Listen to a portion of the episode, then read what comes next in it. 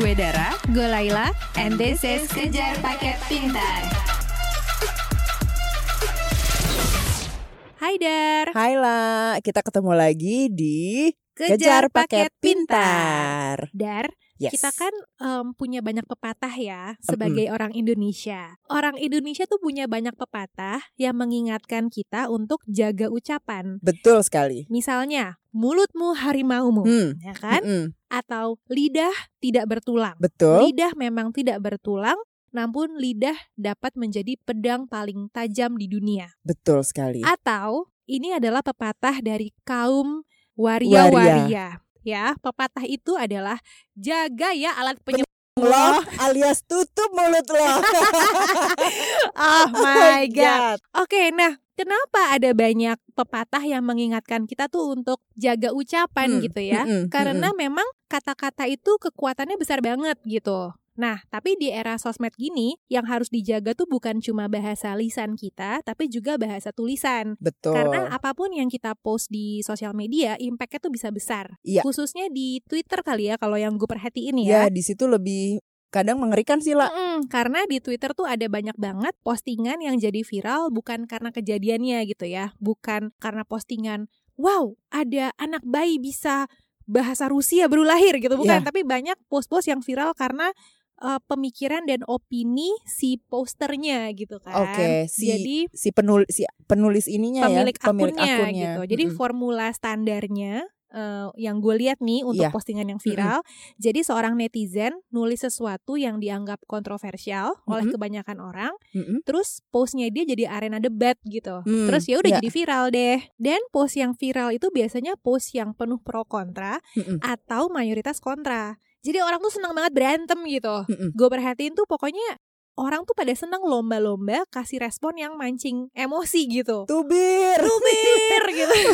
Isinya STM semua apa gimana nih ya? Iya banget. Nah, hari ini di episode ini kita akan membahas soal post yang viral. Spesifiknya viral karena tulisan pemikiran pemilik akunnya yang kontroversial gitu Iya, kan. Betul. Eh, nah, post kontroversial tuh banyak terjadi di Twitter ya, tapi kita nggak terbatas bahas Twitter Bahas Twitter aja karena sih. kadang eh, masuk ke Twitter akibat sudah viral di platform lain kayak Instagram Hmm. atau TikTok gitu Iya, misalnya. bisa tuker-tukeran sih, tuker-tukeran Mm-mm, konten. mm-mm, mm-mm. Nah, dan kita akan membahasnya dari kacamata ilmu sosial bersama anotasi.com. Yes, anotasi ini sendiri adalah organisasi pendidikan yang berbagi pemahaman tentang eh, diri kita sendiri dan dunia lewat ilmu sosial. Mereka ingin menerjemahkan ilmu sosial yang rumit ke bahasa yang mudah dipahami, menyenangkan dan menginspirasi. Makanya kita pilih ngobrol bareng anotasi untuk membedah postingan viral di dengan kacamata eh, ilmu sosial yang lebih luas gitu ya, Kak. Anotasi.com ini digawangi oleh tiga orang, Marisa Saraswati sebagai chairwoman, Ya. Anissa Erbeta sebagai editor in chief, dan Dian Soraya atau Aya sebagai head of product. Tapi yang hadir kali ini Hari ini cuma Anissa sama Aya karena Marisa berhalangan ya. ya betul sekali. Uh, kalau Anissa sendiri adalah dosen Cultural Studies dan mengajar di School of Culture and Communication University of Melbourne, Australia. Sementara Aya adalah product designer di Traveloka. Nah, kita nih bikin episode ini tuh tujuannya supaya semoga pendengar tuh bisa kritis gitu ya. Ya. Ada thought process dalam melihat post-post yang viral gitu. dan nggak eh, atas satu yang kontra dan pro itu sebetulnya nggak ada yang betul-betul mutlak eh, salah mutlak benar gitu ya lah Mm, nggak karena hitam putih. nggak hitam putih selalu ada ada konteks yang eh, memberi eh, postingan itu makna yang lebih luas lagi gitu jadi ya supaya kalian kritis lah nggak nelan bulat-bulat Oke, oke kita ngobrol-ngobrol dulu yuk sama anotasi.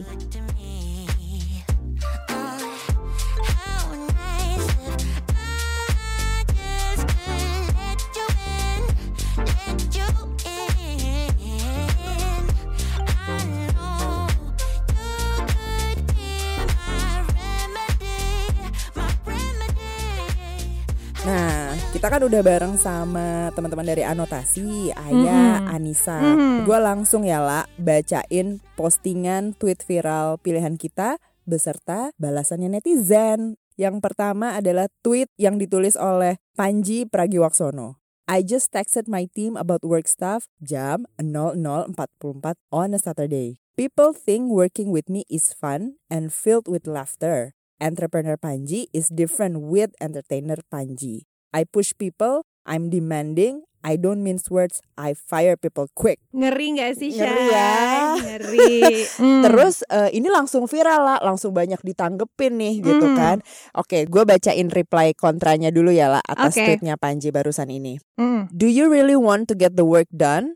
Or do you just feel the need to show people that you're the boss? Itu satu. Mm-mm. Yang kedua, bad time management, chaotic human supervision, call yourself a boss. Pokoknya ini tweet-tweet yang reply yang kontra Reply ya. kontra gitu kayak langsung eh, dismiss Panji gitu kan. Heeh. Tapi ini ada nih eh, yang agak pro gitu. Dia bilang gini, I don't understand why this became such controversy. Everything sent through text are not supposed to demand immediate response unless he said so ya. Mhm. Ada satu lagi juga bilang gini, I don't mind being texted at an at an abnormal time as long as they don't mind if I reply at my working hour gitu. Hehehe, ada hehehnya. Ada hehehe.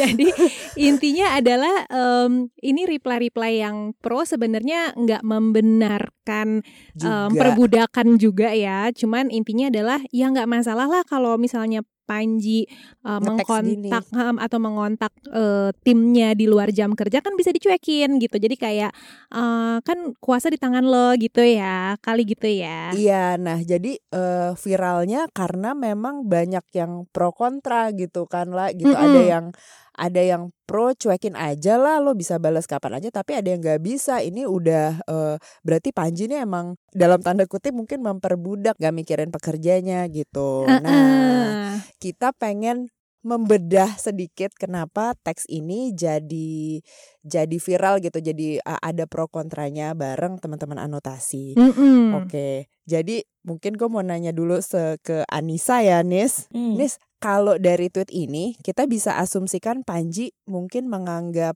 hustle culture adalah hal yang mulia gitu. Kalau kita ngelihat zaman Gen X ke atas, kan kayaknya kerja keras demi produktivitas yang maksimal tuh hal yang oke gitu, hal yang mulia.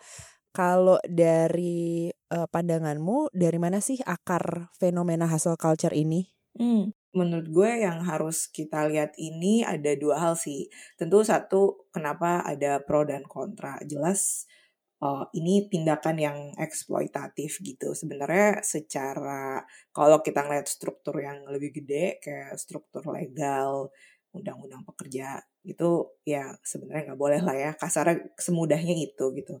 Tapi mungkin yang lebih menarik itu tadi yang eh, Gen X ke atas semakin muda generasi di Indonesia tradisi kerja keras, tradisi lembur, terus juga yang disebut sama Panji tadi entrepreneur gitu kan itu beda sama entertainer. Itu tuh sesuatu yang khas banget uh, sama apa yang kalau udah dibahas di anotasi disebut sebagai uh, manusia neoliberal gitu. Hmm. Nah, apa sih manusia neoliberal ini? Manusia neoliberal ini sebenarnya kayak hasil dari perubahan kondisi ekonomi nih di Indonesia dan di dunia gitu. Jadi eh, di dunia di negara-negara barat yang biasanya ekonominya stabil kayak Amerika, Inggris, Eropa, Australia dan lain-lainnya. Mm-mm. Mereka tuh dulu abis tahun 60-an gitu eh, kaya banget kan dari perang dan segala macam dan Hmm. sebenarnya mereka punya program banyak namanya welfare state gitu. Cuma di tahun 80-an terutama di Amerika yang kemudian melahirkan Silicon Valley yang kayaknya menurut gue di di postingannya Panji tuh yang muncul tuh itu tuh tradisinya Silicon Valley ya kan Oke. entrepreneur sup- kerja super keras terus yang kayak Hmm. gue inovator, gue leader gitu ya.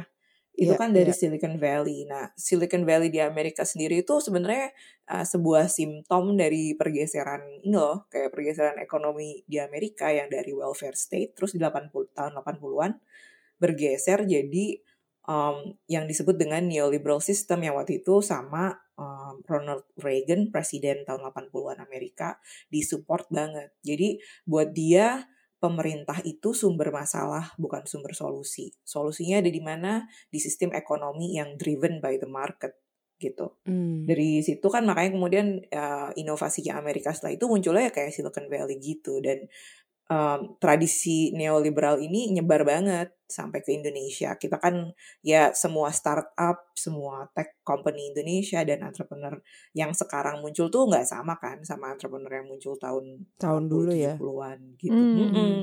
Jadi menurut gue oke okay, memang pasti ada pro kontranya, ada salahnya Panji juga, tapi kayaknya kalau dari sudut pandangnya anotasi kita juga pengen melihat sebuah kayak posisi yang lebih gede gitu. Kayak Mm. Di balik ini semua siapa ya yang ngedorong uh, perubahan? Siapa yang membuat uh, entrepreneur kayak Panji ini muncul? Karena Panji kan nggak sendiri ya. Menurut gue Mm-mm. banyak banget entrepreneur kayak Panji nih yang Ya, ya. suka nge-push anak buahnya sampai sampai ya sampai lembur, sampai nggak enakan kalau nggak bales teks tengah malam Mm-mm. atau work on weekends melulu gitu. Hmm.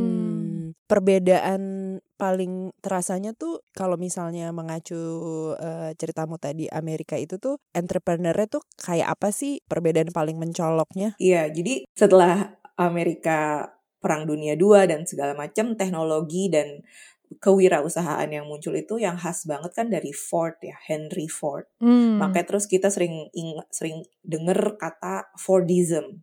Fordism itu adalah teknik uh, kap- sistem kapitalisme yang mementingkan penggunaan teknologi untuk efektivitas produksi gitu lah ya. Makanya Ford itu kan salah satu penemu pertama um, Mm-mm. sistem factory yang kayak efektif banget gitu dengan roda-roda cepat dengan bantuan mesin. Nah itu itu tuh mm, kapitalisme khas Amerika waktu sebelum ada Ronald Reagan gitu waktu baru selesai perang terus orang-orang kembali kerja ke pabrik. Nah, di pabrik di tahun 50-an 60-an orang-orang tuh walaupun lo mau kerja pabrik, kerjanya bangun uh, mobil atau barang-barang berat gitu ya, bukan berarti lo orang miskin gitu. Karena uh, ketika lo kerja di pabrik lo juga boleh gabung di union, terus uh, boleh minta hak dan hak lo udah banyak. Kontrak kerja lo pasti eh nggak satu tahun tapi kontrak kerja lo kayak seumur hidup.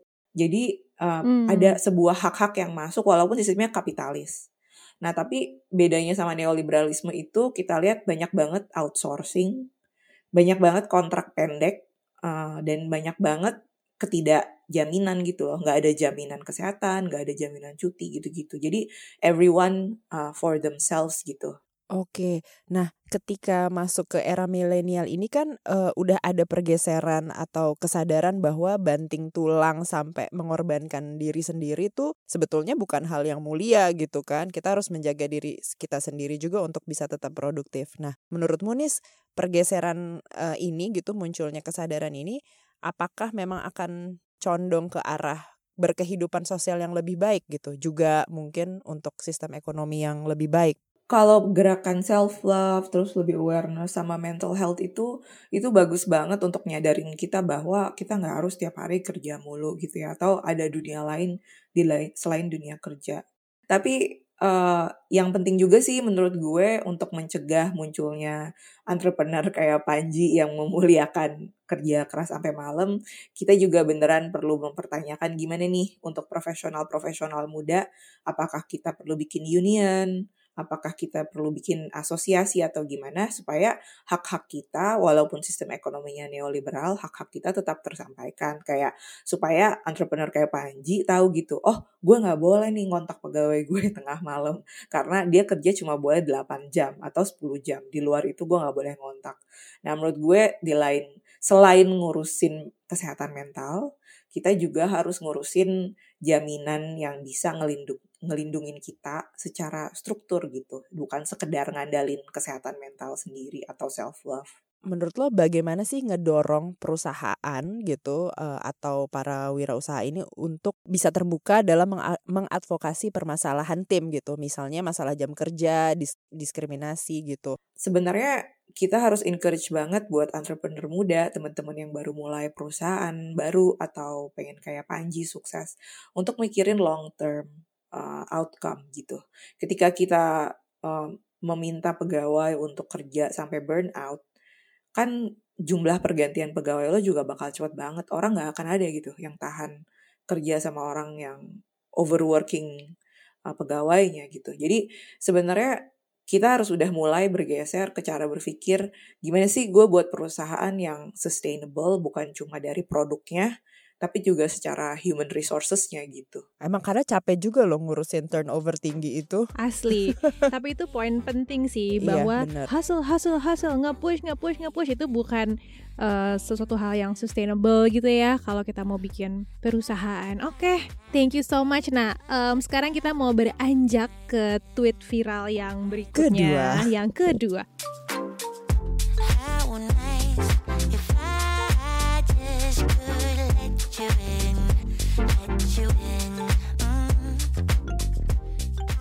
Jadi tweet yang viral berikutnya yang mau kita bahas itu adalah tweet dari at aku suka masak.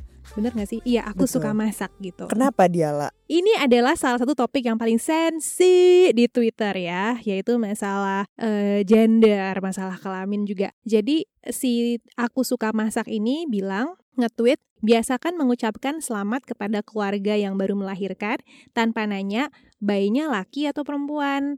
Jadi intinya normalize, gak usah nanya kelamin bayi deh gitu. Bingung deh nanya apa ya? Bingung. heeh.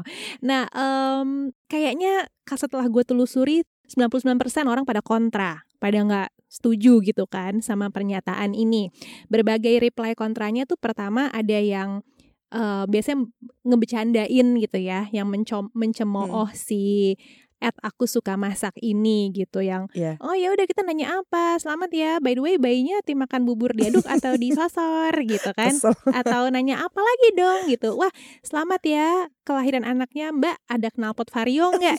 Intinya mencerminkan terus gue mau ngobrol apa? Iya, iya. gitu. Karena ada banyak banget tanda kutip aturan nih sekarang. Kalau mau jenguk anak eh, orang baru melahirkan katanya jangan nanya berat badan bayinya sensi. Jangan nanya lahiran normal atau sesar Oh, jangan nanya ASI atau enggak gitulah dan ini nambah-nambahin aja nih gitu banyak banget netizen yang bilang ya kok bisa-bisanya sih em, orang mikir nanya kelamin tuh menyinggung gitu. Terus ada juga em, netizen-netizen yang berasumsi bahwa si at aku suka masak ini sebenarnya konteksnya adalah membela norma barat gitu. Kayak tabu-tabuan gini tuh Amerika banget gitu kan. Barat disalahin lah ya.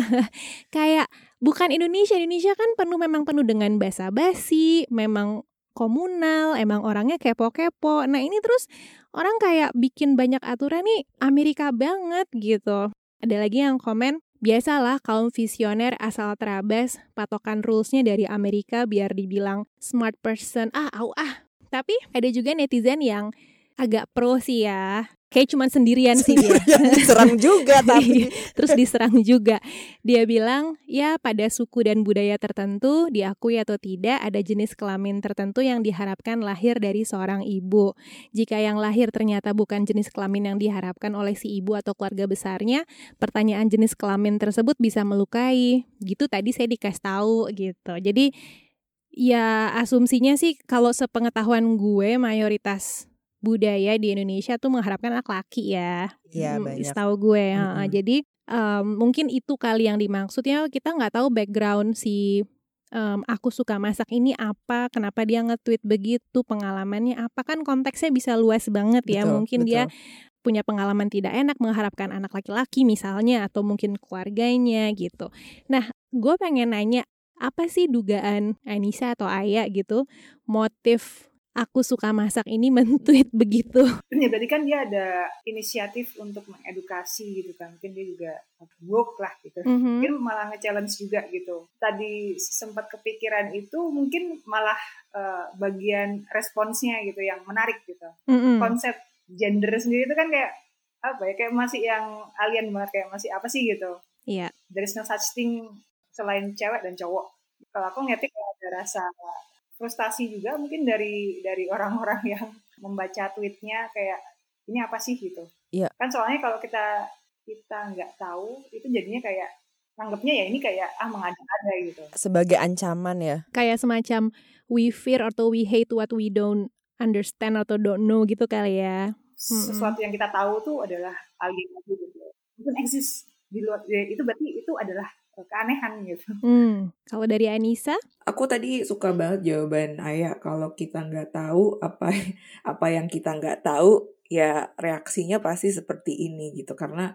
jawaban yang kontra itu jawaban yang cenderung sebenarnya kayak mencoba surviving nilai-nilai yang selama ini ya ya gue taunya gitu gitu terus kenapa lo mempertanyakan apa yang gue tahu gitu Ah, bener-bener. kalau gue mungkin gue nebaknya gini si uh, si akun yang nulis Twitter ini sebenarnya menurut gue gue sih ngeliatnya itu ada maksud baik cuma gue bertanya juga gitu ketika lo bilang kita normalisasi tidak nanyain jenis kelamin maka jalan keluarnya apa gitu Hmm. gue sebenarnya sedikit sensitif dengan tadi Kak Laila sama Kak Dara bilang kayak oh ini value liberal dari luar negeri yang kemudian diambil mentah-mentah gitu. Hmm. Gue juga agak curiga seperti itu gitu. Jadi kayak mungkin si yang nulis tweet ini baru kuliah di mana, baru mungkin baru Hmm. kuliah gender gitu terus langsung kayak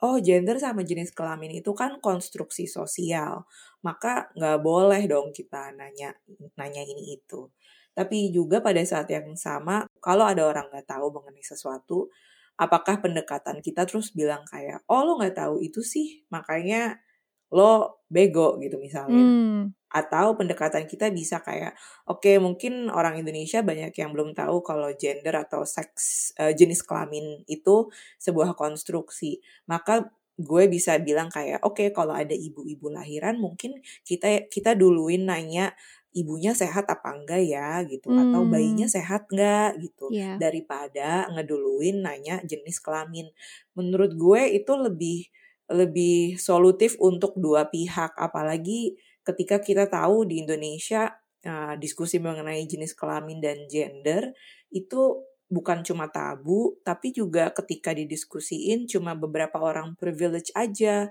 yang punya akses untuk informasi bahwa oh gender itu sebuah konstruksi sosial, seks dan jenis kelamin itu sebuah konstruksi sosial, maka kita tidak perlu turut campur. Itu informasi yang sangat privilege gitu. Hmm. Jadi daripada bilang kayak ah kalian datang-datang nanya jenis kelamin ke ibu. ngerti apa sih kalian gitu ya? Ada nada condescending mungkin ya. Iya gitu. Kalau aku ngebayangin kayak kalau sama ibu-ibu pengajian gimana ya ngomong kayak gitu. gitu. Mungkin nggak kita nyampein kayak gitu ke ibu-ibu pengajian di deket rumah gue. Dihajar sih Iya, kalau nggak pakai nggak pakai proses iya, ya. gitu. Jadi ya kita mau nggak mau terima gitu bahwa um, jenis kelamin itu penting kok di masyarakat kita. Bukan berarti kita nggak bisa bahas, tapi banyak banget nih cara lain yang bisa kita pakai untuk buat dua pihak sama-sama ngerti satu sama lain. Hmm, kalau dari kacamata ilmu sosial, kenapa sih masyarakat kita sensitif terhadap topik pematahan stereotip gender ini sih observasi personal aja ya. Kalau di Twitter tuh salah satu pembahasan yang sensitif adalah masalah ini nih, kesetaraan gender, Gender. masalah breaking the gender roles gitu-gitu tuh kayaknya masih hal yang memancing keributan netizen lah gitu. Marah-marah aja netizen kalau ada yang nge-tweet kayak gitu ya kan. Heeh. kenapa kenapa sih menurut menurut pengamatan Anissa atau Aya? menurut pengamatanku aja ya kalau em, kenapa itu sensitif em, aku rasa ada kaitannya tuh erat dengan budaya kita yang ketimuran dan Mm-mm. kayak bangsa kita kan bisa dibilang ya cukup religius gitu kali ya. Kayaknya faktor agama ini ini opini ku aja ya kayak lumayan besar di situ. Karena kalau di agama kan kayak manusia tuh diciptakan ya dua dua siapa sepasang gitu lelaki dan wanita gitu. Luar dari itu nggak ada gitu. Dah Em, ketika itu di challenge ya namanya manusia itu jadi satu hal yang bikin discomfort banget lah gitu. Mm-mm, mm-mm. jangan sampai berdosa lah jadi manusia gitu jadi em, ketika itu di challenge jadinya kayak bentrok banget nih Eh, fundamental banget lah beliefnya gitu Gue ngomong dikit boleh nggak? Boleh, boleh dong. Pada kondisi sekarang apa yang ayah bilang itu benar banget gitu bahwa agama terus kemudian kayak menentukan kebenaran di terutama di Indonesia di masyarakat yang merasa bahwa ketimuran adalah cara hidup kita gitu. Hmm. Sebenarnya Indonesia ini lumayan progresif loh waktu apalagi awal-awal tahun 1900-an ketika yang namanya masa modern di negara-negara yang terjajah itu eh, mulai mulai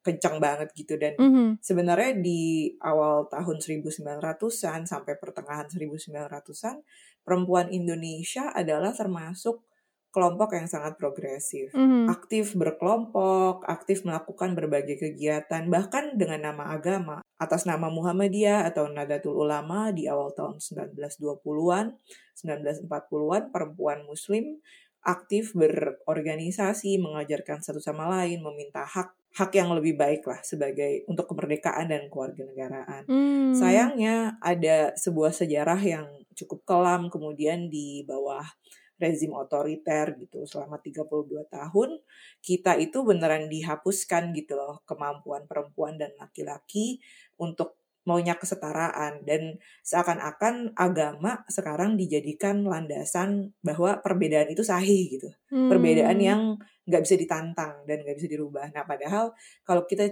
pakai cara pandang yang lebih lebar dan tarik timeline-nya lebih jauh ke belakang, perempuan muslim dan laki-laki muslim beragama sangat progresif dulu dan tidak ada tuh pertanyaan kalau lu beragama maka lu tidak boleh minta kesetaraan gitu.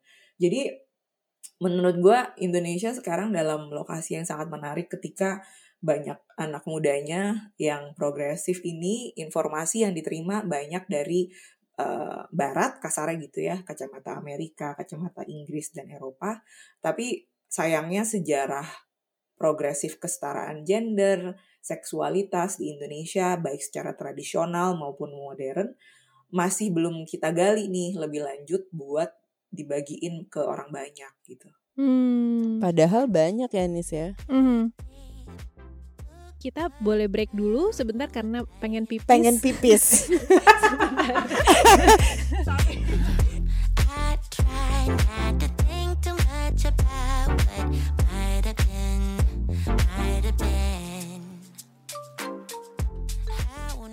Dari gender kita beralih ke persoalan desain nih lah. Nah, tapi kalau untuk yang ini bukan dari Satu. satu tweet yang Satu viral tweet yang atau viral. post yang viral ya. Eh, sekarang yang mau kita bahas bukan spesifik satu postingan atau tweet viral soal desain, Mm-mm. tapi justru viral eh, karena Mm-mm. bermunculan banyak gitu tumbuh subur akun-akun eh, startup meme producers gitu.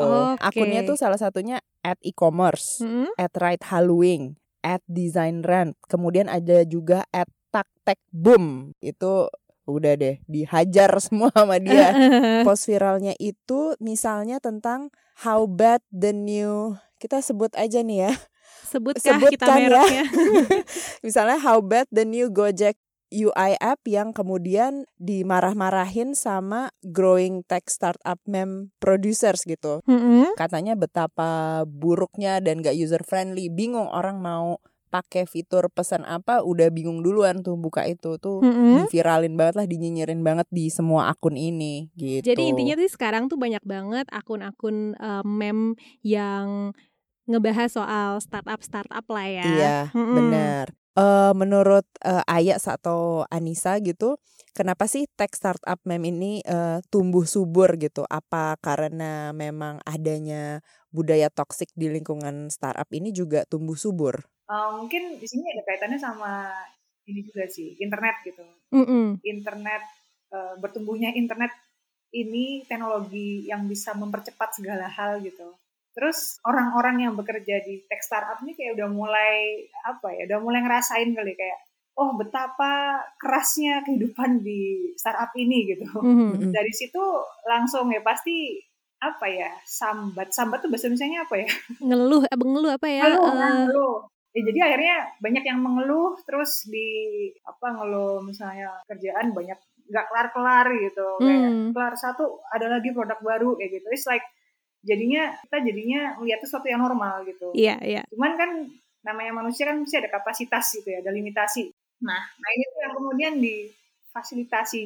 Ada ber- mulai bermunculan nih si eh, akun-akun IG yang dulu aku pertama kali tahu tuh e-commerce. Yang isinya tuh ya tuh keluhan-keluhan yang jadinya dibuat lucu yang Hmm. apa ya kayak banyak orang akhirnya relate gitu terus kayak merasa didengarkan di situ jadi kayak jadi ada ruang aja gitu loh buat menampung sambat-sambat atau keluhan-keluhan para orang-orang startup ini. gitu. Nyinyir-nyinyir lah ya. Iya. Kemudian growing nih, karena banyak yang relate kan growing, banyak followernya segala macem. Nah ini ada kaitannya sama yang tadi tuh speed, karena ini internet kan cepet banget gitu ya.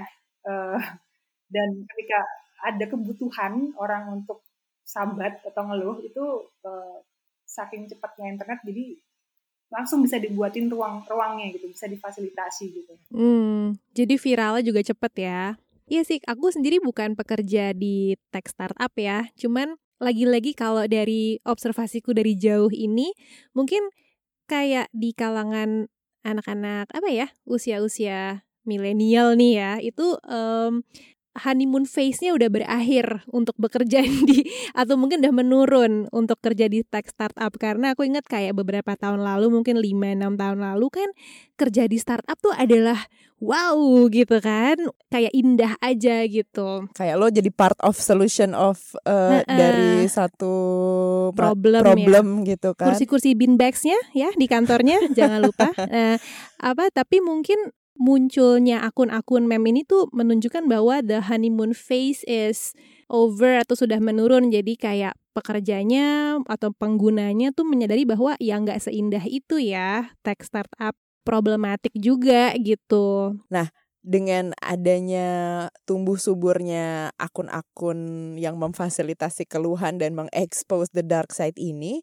eh, menurut Aya atau Anissa seberapa besar sih pengaruhnya untuk bisa eh, dalam tanda kutip menggugat gitu berbagai hal dalam sebuah startup yang mungkin dianggap kurang baik gitu. itu ngaruh banget sih itu ya karena tadi balik lagi ke speed tadi ya kayak orang jadinya sekarang difasilitasi untuk bisa komplain secepat itu langsung tersampaikan gitu dan bisa secepat itu meme-meme itu tuh jadi kayak apa ya, serikat pekerja gitu serikat pekerja 4.0 Hmm, iya, benar-benar, iya, betul. atau ini surat, surat pembaca 4.0 gitu Mhm. Em, ini yang kemarin baru aja terjadi nih yang ada Fortuner ngacung-ngacungin pistol tuh.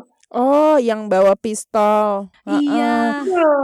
Nah itu kan apa si pem- si CEO sebuah startup ya. ternyata ya eh, salah satu apa CEO atau aku lupa apa pokoknya orang penting di sebuah startup restock ID kalau nggak salah gitu Mhm. akun-akun e-commerce segala macam ini itu langsung di blow up di situ gitu kan ternyata Hmm, eh, ya. apa eh, salah satu orang penting lah di restock.id gitu terus langsung itu orang-orang itu netizen ini gercep gitu. langsung kayak itu ada yang langsung ngasih rating satu di apa di Google Oh, rame-rame nurunin rating ya. Heeh. itu kayak singkat itu gitu cuman Mm-mm. hitungan berapa hari kali ya gitu harus secepat itu brand lu tuh bisa rusak gitu loh kalau nggak kalau kalau nggak bener Mm-mm.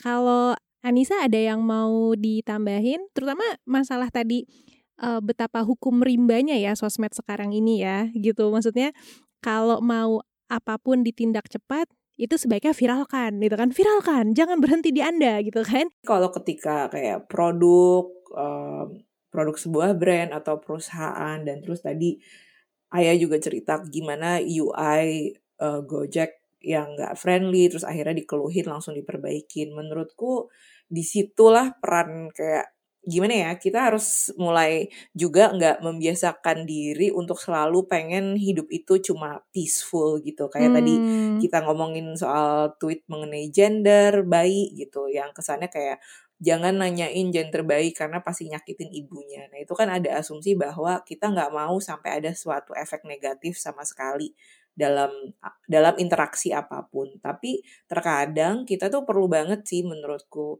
interaksi negatif supaya dapat respon yang lebih cepat terutama dalam kaitannya ketika kita ngomongin sesuatu terkait dengan kapitalisme gitu. Hmm. Jadi Hmm. eh, menurutku mengeluh interaksi negatif itu nggak selalu buruk gitu dan kita harus biasain juga mikirin itu apalagi dalam hal-hal yang terkait dengan em, kemaslahatan bersama. Jadi hmm, konflik tidak selalu buruk.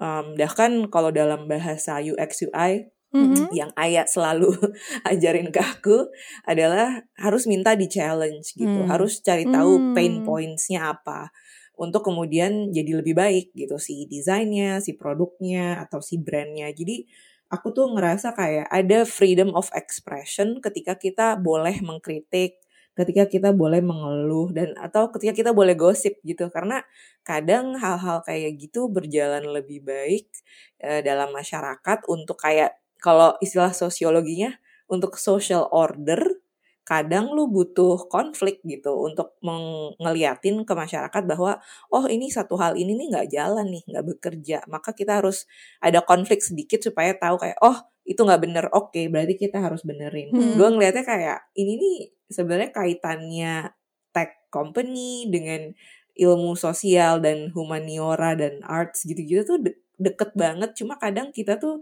suka ngelihatnya seakan-akan terpisah. Padahal dinamika yang sama di yang udah dipelajari di dalam kajian sosiologi, antropologi, budaya dan segala macam tuh muncul yang muncul juga gitu di dinamika di dinamika tech company. Sayangnya suka seakan-akan tech company suka Suka dipisah-pisahin iya, gitu suka ya. ngerasa kayak apa ya, spesial gitu kan karena ini hal baru lah. Ya 30 tahun terakhir kan baru muncul Mhm, industri iya. ini gitu. Jadi. Iya. Padahal kalau kalau kita mau lihat, i sebenarnya solusinya udah ada, asalkan goal lu bukan cuma sekedar tadi yang ayah bilang, bukan cuma sekedar bikin produk yang nguntungin elu gitu, tapi beneran produk yang bisa dipakai kita semua, bermanfaat buat kita semua dan bikin kita semua happy.